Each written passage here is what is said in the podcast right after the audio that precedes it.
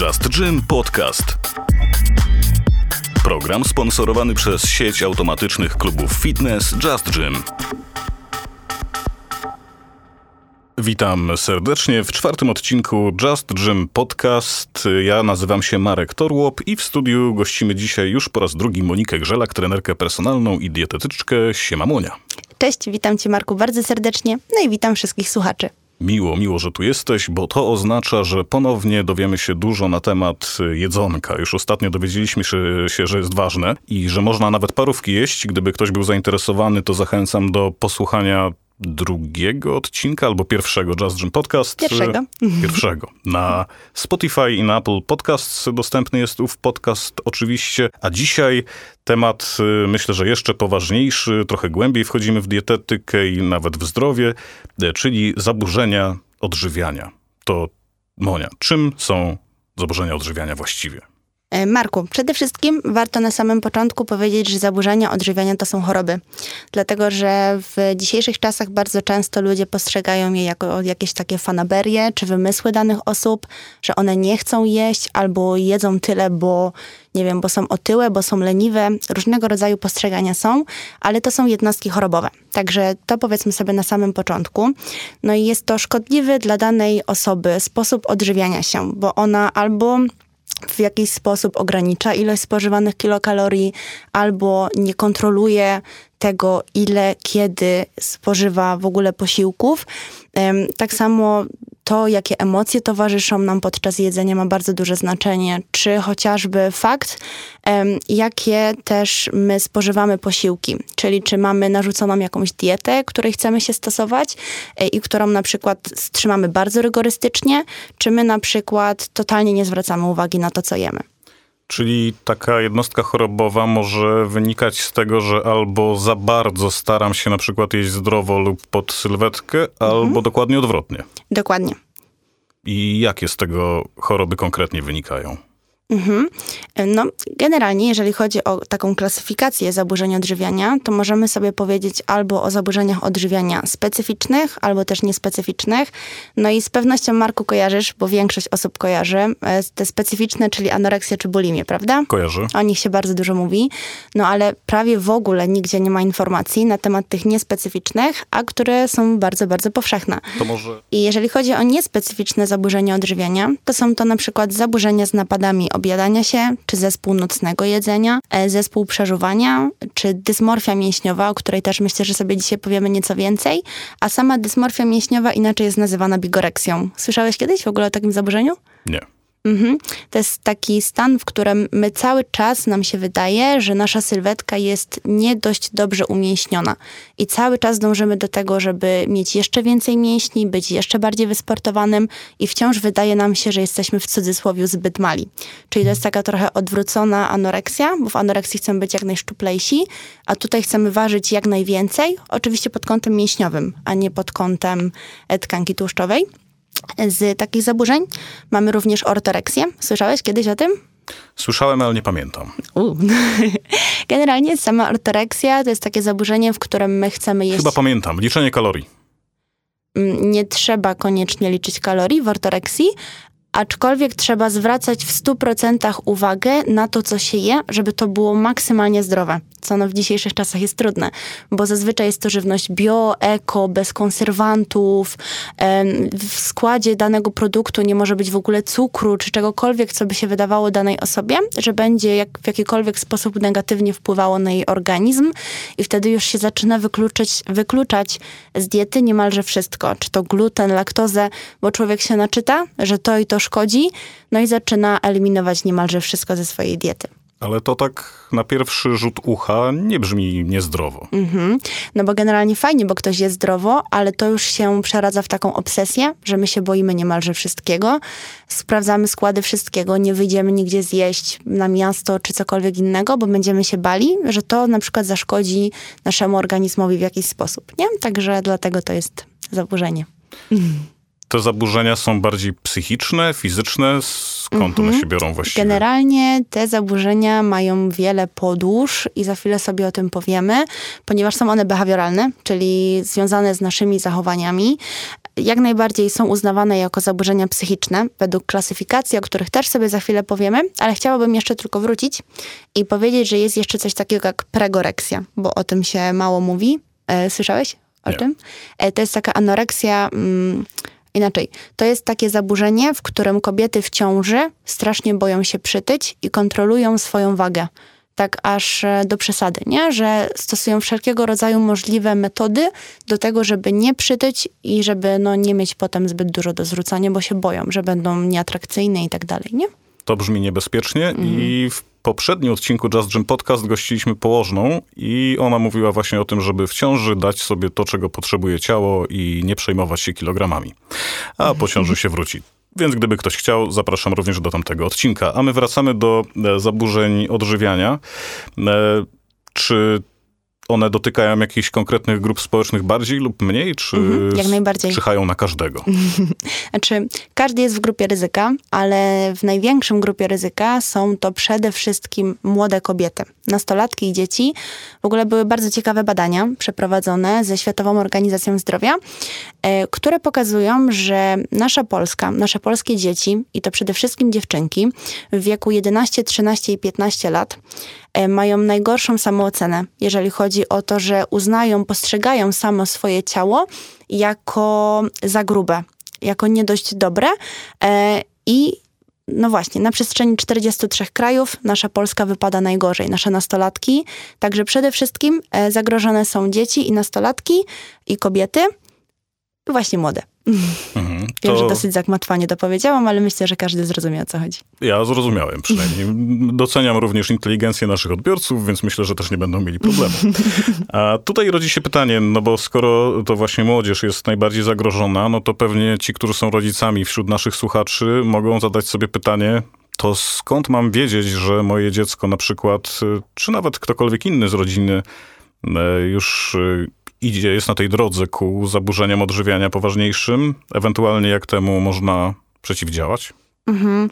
No to poruszyłeś teraz wiele tematów. Mm, Generalnie można sobie to, to, o czym powiedziałeś, rozdzielić na dwa aspekty. Pierwszy, czyli takie objawy fizyczne, co widać po ciele, a drugie jako zachowania. I może najpierw powiedzmy sobie o zachowaniach, e, czyli jak zachow- może zachowywać się osoba z zaburzeniami odżywiania, ale jeszcze w sumie zanim o tym powiem, to chciałabym podkreślić kilka bardzo ważnych faktów. A mianowicie, to o czym my sobie dzisiaj powiemy, czyli właśnie o zaburzeniach odżywiania, to nawet jeżeli zaobserwujemy, że ktoś z naszych bliskich ma większość z tych objawów, albo że ma chociaż kilka, albo że my w jakiś określony sposób się zachowujemy tak, jak ja dzisiaj powiedziałam, to nie chciałabym, żebyśmy sami siebie diagnozowali, dlatego że diagnozą zajmuje się lekarz. Tak samo jak, nie wiem, mamy złamaną rękę, idziemy do ortopedy, mamy próchnicę na zębach, idziemy do dentysty. Tak samo przy zaburzeniach odżywiania idziemy do lekarza. Jeszcze do jakiego konkretnie powiemy sobie za chwilę, jak wygląda samo leczenie. Ale to na początku chciałam, żeby wybrzmiało, bo na pewno wiesz, jaka jest moc internetu i ja też tak mam. Tak wiem, jak cokolwiek zgooglujemy z naszych objawów, to mamy raka, a ja przypomnę jeszcze powiedzonko, że kto diagnozuje sam siebie, ten ma głupca za pacjenta. Okej. Em, No z takich jeszcze faktów, zanim powiem o tych objawach i zachowaniach, e, to na pewno, no, tak jak już na początku powiedziałam, zaburzenia jedzenia to nie kaprys czy wybór, a choroba o biologicznym podłożu. Można się wyleczyć jak najbardziej z zaburzeń odżywiania. To jest możliwe, ale ważne jest wczesne wykrycie. I też to, co ma bardzo duże znaczenie, to zarówno geny, jak i środowisko, w jakim żyje dana osoba. One odgrywają kluczową rolę, jeżeli chodzi o zachorowanie. No i już ostatnia z ważnych rzeczy, czyli wiele osób z zaburzeniami jedzenia wyglądają normalnie. I gdybyśmy sobie spojrzeli na ich sylwetki czy sposób odżywiania, to wcale byśmy nie powiedzieli, że są chorzy. A jednak mimo wszystko mogą zmagać się z różnymi jednostkami chorobowymi. Także to chciałam, żeby wybrzmiało, zanim przejdę do objawów i zachowań. Świetnie. Dbajmy o bezpieczeństwo, dbajmy o zdrowie. E, No i wróćmy do tematu w takim razie. Jak konkretniej można te zaburzenia ewentualnie dostrzec? Bo to było pierwsze z tych E, pytań. No, przede wszystkim to, co można zaobserwować na co dzień, to na przykład taka osoba może zacząć nagle nosić jakieś workowate, luźne ubrania, żeby w jakiś sposób zakryć swoje ciało. Czy to dlatego, że no jest ono większe niż było wcześniej, czy też dlatego, że po prostu bardzo schudliśmy i nie chcemy, żeby inni na przykład w jakiś sposób to oceniali. E, Z drugiej strony, no może być to ob- Z drugiej strony może się to objawiać tym, że ktoś cały czas ubiera się na cebulkę, no bo jest mu zimno. Dlatego, że w momencie, jeżeli ktoś na przykład ma bardzo dużą niedowagę, no to organizm nie ma energii, cały czas jest obniżona temperatura ciała i takiej osobie cały czas może być zimno. E, co to może być jeszcze? Przede wszystkim z takich rodzinnych aspektów to unikanie wspólnych posiłków. Czyli taka osoba z zaburzeniami odżywiania może cały czas gdzieś tam po boku mówić, że no ja już jadłam w szkole, nie jestem głodna, nie mam ochoty, zjem później. Tylko po to, żeby nie musieć się nastawiać na opinie na przykład innych osób na temat danego jedzenia, albo żeby po prostu móc całkowicie uniknąć spożywania jakichś określonych pokarmów. Taka osoba, jeżeli chodzi o jedzenie, też bardzo wolno je i przeżywa bardzo wolno pokarm. Często liczy kalorie. I tutaj nie oszukujmy się, nie chodzi o to, że każde liczenie kalorii jest złe, e, czy jakakolwiek dieta, która jest nastawiona na liczenie kalorii, będzie powodowała zaburzenia odżywiania. Oczywiście, jak zawsze, o co chodzi? O Balans, balans, balans jest ważny, dokładnie. Że, wiadomo. Ale wiesz co, bo tak jak słucham, to mam pytanie, bo mhm. to dotyczy, jak sądzę, tych raczej zaburzeń typu anoreksja, ortoreksja, tak? Mhm. E, ale mamy też te, które idą w drugą stronę, że ktoś je właśnie za dużo tak? Mhm, I... Czyli właśnie napadowe obiadanie się na przykład. Mhm. Tak, więc tu to mamy taką drugą stronę, powiedzmy, tej szali i mm, jak tutaj rozpoznać, że albo odróżnić osobę, która po prostu no, sporadycznie lubi sobie więcej podjeść, mhm. a osobę, która już ma poważny problem z obiadaniem się, z y, otyłością, taki który no, należałoby już skierować do lekarza? Mhm. No tutaj przede wszystkim trzeba by było mm, no, porozmawiać z tą osobą, zaobserwować, jakie ona ma myśli dotyczące jedzenia, ale też co warto dodać, to że osoba, która na przykład ma problemy z objadaniem się, bardzo często najpierw zaczęła właśnie z różnymi epizodami anorektycznymi, czyli najpierw były to jakieś bardzo restrykcyjne diety, bardzo duże mm, spadki masy ciała, E, niedożywienie, które potem przerodziły się, że ta osoba już pod wpływem różnych doświadczeń życiowych nie była w stanie utrzymać tego rygoru i zaczęła gdzieś tam popuszczać, ale popuszczać zbyt mocno. Tak zwane 100% albo nic, nie? No i jak to rozpoznać? No to przede wszystkim no tutaj najlepsza by była rozmowa z taką osobą, jeżeli ona by się nam przyznała, bo może nam się również nie przyznać, ale jeżeli nam by się nie przyznała, to przede wszystkim mogłoby to być pod kątem jedzenia, o którym mówiliśmy wcześniej, to, że na przykład taka osoba po spożyciu posiłku idzie na przykład od razu do łazienki. E, że, bo może to świadczyć o tym, że na przykład idzie zwymiotować, może iść wziąć jakiś środek. E, taka osoba też może często ogólnie odwiedzać toaletę i na przykład um, odpalać wodę pod prysznicem, dawać różnego rodzaju mydła, aromaty, żeby nie było ani słychać, ani czuć po wejściu do łazienki, że taka osoba na przykład zwróciła dany pokarm, czyli w ten sposób również można to zaobserwować pod kątem zaburzeń odżywiania, a sama rozmowa, no to jak dana osoba odbiera ten posiłek, który spożywa, czyli jakie emocje temu towarzyszą, czy je pod wpływem stresu, no bo pod wpływem w ogóle emocji bardzo, bardzo dużo osób je na ten moment. Tak, słyszałem, że podobno często no są tacy ludzie, którzy interpretują po prostu stres jako głód i nawet nie zdają sobie sprawy z tego, że to stres. Mhm. Bardzo dużo ludzi nie oddziela w ogóle apetytu od głodu. To jest fakt. No też zastanawiam się, bo no, żyjemy w czasach y, ciało pozytywności, tak? I która jak mhm. najbardziej ma sens, myślę, bo dopóki nie zaakceptujemy siebie, to też ciężko jakąkolwiek zmianę. Byłaby ona taka mocno rygorystyczna i niezdrowa pewnie. Mhm. E, no ale właśnie, pewnie poruszanie takich tematów nie jest łatwe w żeby nie skrzywdzić kogoś, chociażby jeszcze bardziej i nie wpędzić pewnie e, w wiry jeszcze większego skupiania się na swoim wyglądzie. To prawda, ale też zadam ci pytanie. Wyobraź sobie, że nie wiem, kiedy się z kimś kumplowałeś, ta osoba gdzieś tam miała jakąś lekką nadwagę, była niezbyt, powiedzmy to w cudzysłowie oczywiście, nie zadbana. No i nagle, nie wiem, po roku, czy po dwóch, po trzech latach widzicie się na jakimś zjeździe studenckim i widzisz, że na przykład ten Romek e, schudł tam, nie wiem, 10 kilogramów, nagle tam ubrał się, widać, że naprawdę, mm, na przykład w koszule widać, że jest naprawdę przystojny, zadbany. Co mówisz? Siema Romek. Hmm, ale nie mówisz na przykład, ale ty świetnie wyglądasz? Nie dopytujesz? E, no, prawdopodobnie, choć e, trudno, trudno mi sobie to no, wyobrazić. E. Dobra, to może Amelia, a nie Romek, może do kobiety. Prędzej, no prawdopodobnie tak. Prawdopodobnie byłbym jedną z tych osób, która by powiedziała, mm. o, dobrze wyglądasz, tak. Tak, bo często jest też tak, że mm, dana osoba pod wpływem tego, że schudnie, nagle inne osoby zaczynają na nią zwracać uwagę, zaczynają ją komplementować i zaczynają dopytywać, a w jaki sposób ty to zrobiłaś, zrobiłeś, e, wow, podziwiam cię. I taka osoba nagle ma spełnioną jakąś swoją potrzebę, bo na przykład inne osoby się ją interesują, ona nagle zaczyna czuć się atrakcyjna i to też uzależnia. Ja wiem, że to jest trudny temat, no bo z jednej strony my mamy dobre intencje, że chwalimy tą osobę, ale czasami nie zdajemy sobie sprawy, że to może pójść w złą stronę. Tak, no słyszałem też o osobie, która w sumie uważała, że jest zbyt szczupła właśnie i dostawała komplementy z tego powodu co też nie robiło e, dobrze e, psychice. Więc, ale to okay. weszliśmy trochę na chyba inny grunt już, e, choć ciekawy bardzo, ale jednak trochę odbiegający od naszego tutaj głównego.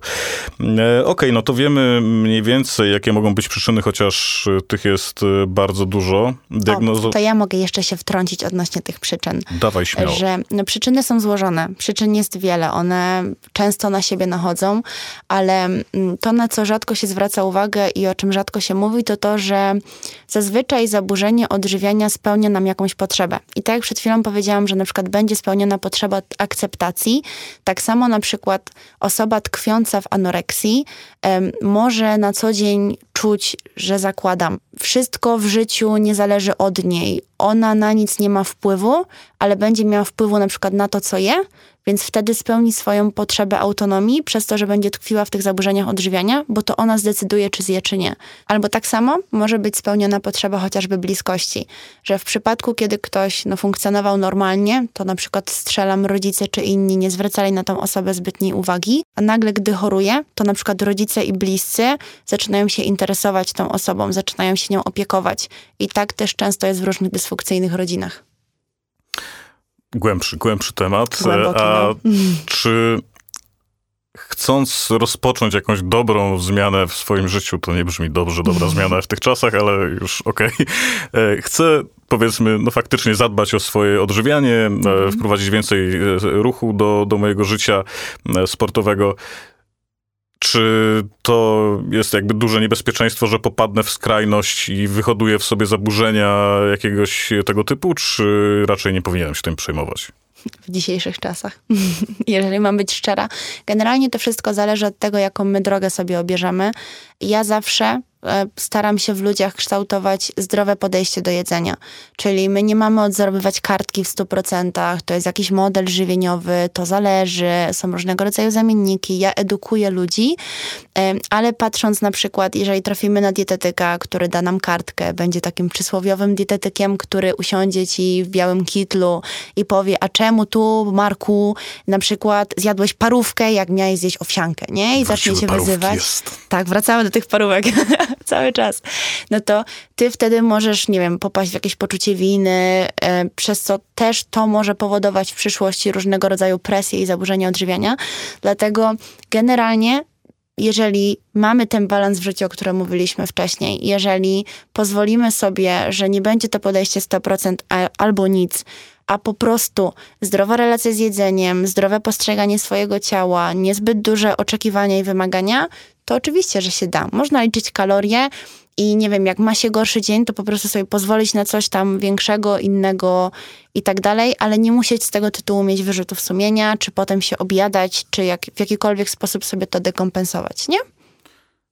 Czyli w sumie też wybór dobrego trenera czy, czy dietetyczki, tak, mm-hmm. jest y, wyborem słusznym, bo jak sądzę, ty też pewnie stopujesz niektórych w swoich zapędach ku cięciu kalorii na przykład, tak? Tak, znaczy wiadomo, każda skrajność nie jest dobra, ale niestety w dzisiejszych czasach często, jak się zapytam ludzi, jakie mają doświadczenia z innymi dietetykami czy trenerami, to często mają różnego rodzaju urazy psychiczne, bo albo trener stał i był takim katem i nie słuchał potrzeb danej osoby i ta osoba się źle czuła na treningu, no ale chciała tych efektów i słyszała na przykład, że no jak chcesz schudnąć, to musisz to robić.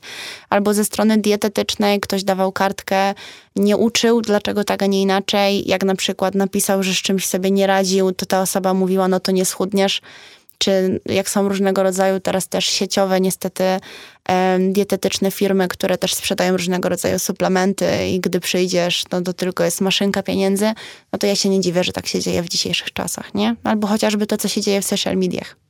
Tak, z pewnością badania wykazują, że Instagram jest jednym z najbardziej depresjogennych mediów społecznościowych. E, ogólnie rzecz biorąc, tak więc rekomendujemy e, powściągać się w konsumowaniu tych treści. A teraz takie pytanie. Jeżeli obudzę się o czwartej nad ranem i zorientuję się, że trzymam w ręce pizzę posmarowaną lodami e, i dochodzę do wniosku, że faktycznie może wypadałoby zapytać kogoś, czy mam jakiś problem z zaburzeniami odżywiania, do kogo mogę pójść? Wiemy już, że do lekarza, Okej, okay, dałeś mi mega, mega śmieszny przykład. Ale do, ale do jakiego lekarza? E, wiem, wiem, pizza z lodami jest dosyć ekstrawagancką potrawą, natomiast no, różnie może być. Okej. Okay.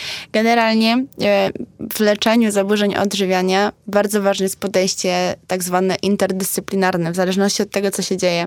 Ale zarówno jest potrzebny lekarz ogólny, który stwierdzi, wyśle nas na ogólne badania, czy na przykład nie ma jakiejś niedoczynności tarczycy przy okazji okazji, bo teraz ty akurat powiedziałeś stricte o tej pizzy z lodami, więc może to nie wybrzmieć, ale ja bym też chciała powiedzieć ogólnie o zaburzeniach odżywiania, że jeżeli widzimy u kogoś właśnie, um, że ciągle wypadają mu włosy, strasznie schudł albo właśnie się obiada, to trzeba też przebadać różne inne rzeczy. Czy na przykład gospodarka cukrowa e, funkcjonuje normalnie, bo w przypadku na przykład hipoglikemii, gdzie nam spada ten poziom cukru gwałtownie, również mogą występować różnego rodzaju zachcianki na na przykład słodycze, a to nie musi oznaczać, że no to jest od razu jakieś zaburzenie odżywiania. Także no z jednej strony to właśnie lekarz ogólny i ogólne badania. Z drugiej strony oczywiście psycholog. E, tutaj zawsze się przyda pod tym kątem, żeby sprawdzić, jakie emocje temu towarzyszą, jakie myśli temu towarzyszą. Czy ty po prostu popłynąłeś po imprezie troszeczkę za bardzo? Czy ty na przykład w tym jedzeniu dostrzegasz się czegoś więcej, nie? E, że nie wiem, tak bardzo się stresujesz i ty się po prostu budzisz po jakimś czasie, że nawet nie pamiętasz, że coś tam zjadłeś, ale po prostu twoim celem żeby to zjeść, było to, żeby na przykład przestać myśleć o pracy, nie? Strzelam. No i trzecia rzecz to dietetyczna. No i tutaj głównie zachęcam w tym przypadku do udania się do osoby, która specjalizuje się w tak zwanej psychodietetyce, czyli właśnie pracuje na nawykach żywieniowych, pracuje z osobami, które takowe zaburzenia odżywiania mają. Czyli najpierw badamy, czy wszystko gra fizjologicznie, że tak powiem, tak? Mm -hmm. A mhm. jeżeli tak, no to wtedy udajemy się już do terapeuty, psychologa i psychodietetyka, dietetyka mhm. ogólnie. Też to, co warto tutaj powiedzieć, to to, że mm, no to będzie też gruby i ciężki temat, ale mm, często spotykamy się z tym, że jeżeli jakieś dziecko choruje, to na przykład mama czy tata, bo też nie chciałabym mówić ale wysyła to dziecko do dietetyka i mówi: Dzień dobry, e, to dziecko ma problem, ono się obiada, proszę coś zrobić, żeby schudło. A prawda jest taka, że zazwyczaj problem jest w całej rodzinie, w jej funkcjonowaniu, w jej nawykach, w jej emocjach, w problemach, które tam tkwią. I tak naprawdę najczęściej trzeba zacząć od rodzica, a nie od tego dziecka. Więc problem jest złożony i ni niestety często trzeba kopać głębiej w całą rodzinę, nie? A nie tylko w jedną osobę. To zależy, jakie zaburzenia, nie? Czy my mówimy o obiadaniu się, czy my wchodzimy w grubsze tematy typu anoreksja, bulimia i tak dalej, nie? No tak, zależy też na pewno o, o sobie, w jakim wieku mówimy, no bo w przypadku dziecka faktycznie e, no mama czy ojciec mogą mieć te same problemy co dziecko, ale ich nie widzieć już. Dokładnie. E, okej, okay, a jeszcze w związku z tym, że ten wspaniały podcast jest sponsorowany przez wspaniałą sieć klubów fitness Just Gym, e, to e, chciałem zapytać o to zaburzenie związane z, którego nazwy nie pamiętam. Bigoreksja na pewno. O mięśnie chodziło mi, tak, tak, że chcę mieć więcej mięśni. To rozumiem, że dotyczy osób, które już są mocno umięśnione, a po prostu tego nie widzą, tak? Czy... To nawet dotyczy dzieci. Które, dzieci nawet. tak, nawet czasami rodzice wywierają presję na swoich dzieciach, żeby coś trenowały, żeby były jeszcze bardziej atletyczne i te dzieci cały czas na przykład potrafią sobie mierzyć obwody tylko po to, żeby to sprawdzać. E, kupują różnego rodzaju odżywki. Zresztą e, nawet się śmiałam na jednych zajęciach u mnie na uczelni, bo kiedyś pani powiedziała, że właśnie o tej bigoreksji i mówiła, że czy znacie piosenkę, tylko teraz nie chciałabym spalić. Na pewno miała tytuł Białkoholicy, ale chyba tako Hemingwaya, czy kogoś znasz, czy nie, kojar nie, kojarzę. nie kojarzy? Możecie tutaj puścić ją w podcaście. Nie możemy, niestety ale... musielibyśmy wykupić e, prawa od tako Hemingwaya. Oj, to nie. Ale... ale w takim razie polecam znaleźć sobie tytuł Białkoholicy. Ona świetnie obrazuje to, co się dzieje i to, co można zobaczyć dzisiaj na siłowniach, czyli właśnie to, że no, my się często naprężamy przed tym lustrem, ćwiczymy, bierzemy różnego rodzaju odżywki i pytanie, gdzie jest jakaś granica, nie? Gdzie to jest jeszcze sprawność i fitness, a gdzie to się już przeradza w jakieś zaburzenie, nie? Tak, no poruszam ten temat właśnie po to, żeby zwrócić uwagę, że fitness nie jest tylko dla wyglądu, owszem, może być, ale jest również dla zdrowia, dobrego samopoczucia, to chyba nawet ważniejsze. No jest ważniejsze. A wiadomo, że żaden sport zawodowy nie jest zdrowy, no bo też zupełnie inaczej jest mówić o kulturyście, czy zupełnie inaczej jest mówić o na przykład tak zwanej bikiniarze w cudzysłowie, czyli kobiecie właśnie trenującej bikini fitness. Wiem, że o tym też nagrywaliście odcinek każda rzecz ma swoje plusy i minusy, aczkolwiek mam wrażenie, że taki, powiedzmy sobie, też nie lubię za bardzo kategoryzować, ale przysłowiowy Kowalski dąży do tego, żeby wyglądać jak Arnold Schwarzenegger, ale nie zdaje sobie sprawy, że ten Arnold no, poświęca całe swoje życie, całe swoje zdrowie. Kulturyści wiedzą, z czym to się wiąże, czyli właśnie z problemami chociażby z układem sercowo-naczyniowym w przeszłości i tak dalej, i tak dalej, nie? No ale no takie mamy czasy, nie? Głównie skrajności. To to może warto podkreślić dla e, ewentualnie tych, którzy zastanawiają się nad rozpoczęciem treningu, że tak, żeby wyglądać jak Arnold, to trzeba prowadzić życie Arnolda, więc nie oczekujmy od siebie zbyt wiele. Dokładnie tak. Mała zmiana, małe kroczki i to są ważne rzeczy. Okej, okay, wydaje mi się, że temat bigoreksji mamy mniej lub bardziej zamknięty już. Y, jeszcze chciałem powrócić do faktycznie tego może zapobiegania y, czy profilaktyce i u siebie, i u innych. Jak podchodzić do tematu, co możemy zrobić, żeby mm, jakoś przeciwdziałać zaburzeniom tego typu? Mhm. Znaczy, no z jednej strony, tak jak powiedzieliśmy sobie, dieta, e, która no nie będzie w żaden sposób skrajna i tak dalej, ale też ja bym chciała poruszyć, czego nie robić, na co dzień, jeżeli już mamy osobę z zaburzeniami odżywiania, bądź osobę, którą podejrzewamy, że może takowe mieć, żeby jeszcze bardziej nie pogłębiać problemu. No bo po części powiedzieliśmy, żeby nie oceniać po wyglądzie, starać się przynajmniej. I to dotyczy zarówno tego, że wow, ktoś super wygląda, bo schudł, ale też na przykład, że oho, ho, e, tam chyba ci się przytyło kilka kilogramów, nie? No bo tego typu uwagi też no, nie są zbyt miłe, już nawet same w sobie. Tak samo, jeżeli mamy osobę chorą, to starać się nie wpędzać tej osoby w jakiekolwiek poczucie winy. Czyli na przykład mówić, że przez ciebie ja, albo tobie to się w głowie poprzewracało, bo na przykład za bardzo cię rozpieściliśmy, dlatego nie chcesz jeść, albo ty musisz, albo czemu tak mało jesz, albo e, powinnaś tam, nie wiem, zjeść tego kotlecika, tam wiesz o co chodzi, nie? Takiego przysłowiowego. Czy na przykład odnośnie sylwetki teksty typu wyglądasz jak wieszak na ubrania. Naprawdę takich rzeczy czasami trzeba sobie darować i może to zabrzmieć dziwnie, bo wydawałoby się to logiczne, że takich rzeczy się nie mówi, ale jednak, nie wiem, pomyślmy o spotkaniach rodzinnych. Jak wiele osób u mnie w gabinecie najbardziej boi się spotkać się ze swoją rodziną, z ciotkami, z babciami, bo jest nastawiona na ich różnego rodzaju opinie. Także to też ma bardzo duże znaczenie. I moja rada dla wszystkich osób, i, które mogą się zmagać z zaburzeniami odżywiania i rodzin tych osób, starać się stworzyć jak najwięcej bezpiecznej przestrzeni dla takiej osoby, czyli właśnie nie obwiniać, nie oceniać, pytać się wprost, czego potrzebujesz, niczego takiej osobie nie narzucać, tylko żeby ta osoba czuła, że może przyjść do ciebie, może z tobą porozmawiać, ty jej w żaden sposób nie ocenisz, nie będziesz jej czegoś kazać, tylko po prostu ją wysłuchasz i zapytasz, jakie są jej potrzeby. Ewentualnie to, co jeszcze ma bardzo duże znaczenie, to nauka takiej osoby mm, nazywania swoich własnych emocji i mówienia o tym, czego czuje. Bo my w dzisiejszych czasach naprawdę mamy z tym bardzo duży problem, żeby powiedzieć, co czujemy. Jak na przykład zapytasz się, no i co teraz, Marku, czujesz? I ja na przykład często słyszę, że no czuję, że on zrobił źle. A ja mówię, no ale co czujesz? Jakie emocje? I nagle jest takie, y, y, że na przykład nie ma, że czuję się poirytowany, czuję się zły. My jakby boimy się tego wszystkiego nazywać, nie umiemy i nie wiemy, jak sobie z tymi emocjami radzić. W ogóle jeszcze dodam, że strasznie polecam, strasznie polecam, wiem, że to dziwnie brzmi, bardzo polecam. E, polecam dwie książki w ogóle. Pierwsza to Porozumienie bez przemocy. Ja uważam, że ona powinna być obowiązkowa już od gimnazjum i tak dalej. I też dla dorosłych, dla dzieci, dla dosłownie wszystkich. I tam nie ma o przemocy, o biciu, ale tam jest po prostu o tym, jak się komunikować, żeby to robić dobrze, żeby nikogo nie krzywdzić. No i druga książka to Naucz ich, jak mają cię traktować. To jest też książka, która uczy tego, żeby nie wyrzucać komuś czegoś, nie obwiniać go, nie wymagać od tej drugiej osoby, że ona się domyśli, co jest również w dzisiejszych czasach powszechne, ale faktycznie spowodować, że zakomunikujemy swoją potrzebę konkretnie i ta osoba będzie wiedziała w jaki sposób dać jej taką swoją instrukcję obsługi, nie? Nie czynimy tej książki obowiązkową, bo wtedy jej nikt nie będzie czytał. No dobra, ale to możemy, bardzo polecam. Ale możemy polecić książki, jak najbardziej warto. Okej, okay, to mm, wszystko cenne rady, aczkolwiek zakładają one, że mamy do czynienia z rodziną światłą, gotową do zmiany, życzliwą, empatyczną, albo przynajmniej gotową na takie cechy.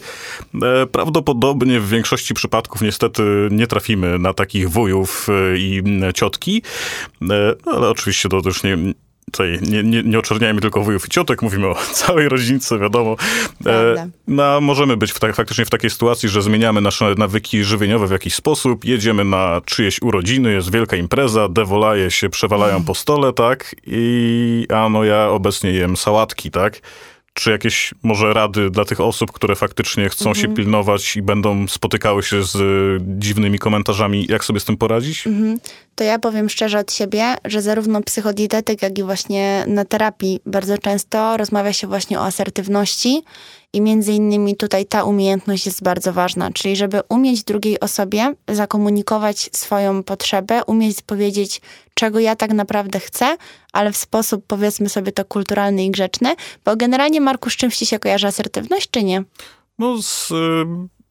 że tak powiem, utrzymywaniem swojego zdania po prostu, tak? Okay. Nie, nie, dawaniem się przekonać do tego, czego nie chcę mm. robić, a może w ten mm. sposób. To super, że tak ci się kojarzy, ale wiele osób myśli, że o, to znaczy, że ktoś jest egoistyczny, patrzy na siebie, a to wcale nie musi tak oznaczać. Nie, jakby zdrowy, zdrowy egoizm też jest zdrowy e, i generalnie umiejętność bycia asertywnym jest ważna i warto byłoby nabyć tej właśnie umiejętności, nad nią popracować, nie? Przy takim stole tak naprawdę jest wiele metod, ale przede wszystkim umieć zakomunikować tej osobie, że na przykład to, że ja nie zjem tego tam, nie wiem, schabowego czy tam ciasta, nie oznacza, że ja ciebie na przykład babciu nie szanuję, czy że ja ciebie nie kocham, tylko oznacza, że jestem naprawdę najedzona. Pewnie to ciacho jest pyszne, ale na przykład dzisiaj go nie zjem, zjem go może później, jak będę głodna, nie? Coś w tym stylu. Super. E, tak. E Miłość do siebie jest ważna, niekoniecznie musimy to nazywać egoizmem. Asertywność, e, cechy tak, dobre i korzystne. No dobra, to już jesteśmy po tych urodzinach, nie zjedliśmy devolaja. E, no i właśnie, a co w sytuacji, jeżeli ten główny motyw e, mojego zaburzenia odżywiania wydaje mi się moją asertywnością. Wydaje mi się, że robię coś dobrego dla siebie, tak? Mhm. Generalnie bardzo ważne jest to, że do tak mówiliśmy sobie, że na przykład zaburzenia odżywiania spełniają również jakieś nasze potrzeby, e, one też mają jakieś funkcje i czasami warto jest się zastanowić, po co nam te zaburzenia odżywiania, jeżeli my już jesteśmy świadomi, że je mamy, co one nam tak naprawdę dają, a co one nam tak naprawdę odbierają, jaki jest y, tutaj, jakie są zyski, jakie są straty, ale też fakt jest jeden, że dopóki my widzimy jakiekolwiek korzyści z naszych zaburzeń odżywiania, to będziemy w nich chcieli tkwić. Czyli, no znowu, jeżeli my widzimy, że dzięki temu ktoś nas bardziej szanuje, czy tak jak z tą asertywnością, że dzięki temu w końcu ja mogę sobie robić tak, jak chcę, a tam rodzina może mi fikać i wszyscy inni, no to ciężko będzie z tego wybrnąć, nie? No i tutaj może tylko terapeuta, jak sądzę, pomóc. Mhm. No i psychodietetyk też również, nie? Okej. Okay. Ale pamiętajcie, nie musicie mieć największych bicków na dzielni, żeby was szanowali. Ani nie musicie być najszczuplejsi na świecie, a na Instagramie w większości przypadków to fotomontaż i filtry, tak więc y, albo odpowiednia poza ewentualnie. Y, więc nie przejmujcie się, jedzcie zdrowo. Monika, y, dziękuję, że byłaś z nami. Jakiś cytacik masz jeszcze dla nas tym razem motywacyjny, czy nie? Może sama z siebie albo z twojej ulubionej książki? Widzę, że dzisiaj... Myślę. Dzisiaj nie mam przygotowanego. Myślałem, że y, masz zawsze cytacik pod ręką, ale dobrze. W takim razie, moi drodzy, cytacik od Moniki ku pokrzepieniu serc będzie może kolejnym razem, bo temat jedzonka, jak widać, jest niewyczerpywalny. Y, jego pokłady są nieskończone po prostu. Y, dzięki, Monika, że byłaś z nami. Dziękuję ślicznie. I dziękuję również wam, drodzy słuchacze, i wysłyszymy się w następnym odcinku Just Dream Podcast. Na razie. Pa. Just Gym Podcast. Program sponsorowany przez sieć automatycznych klubów fitness Just Gym.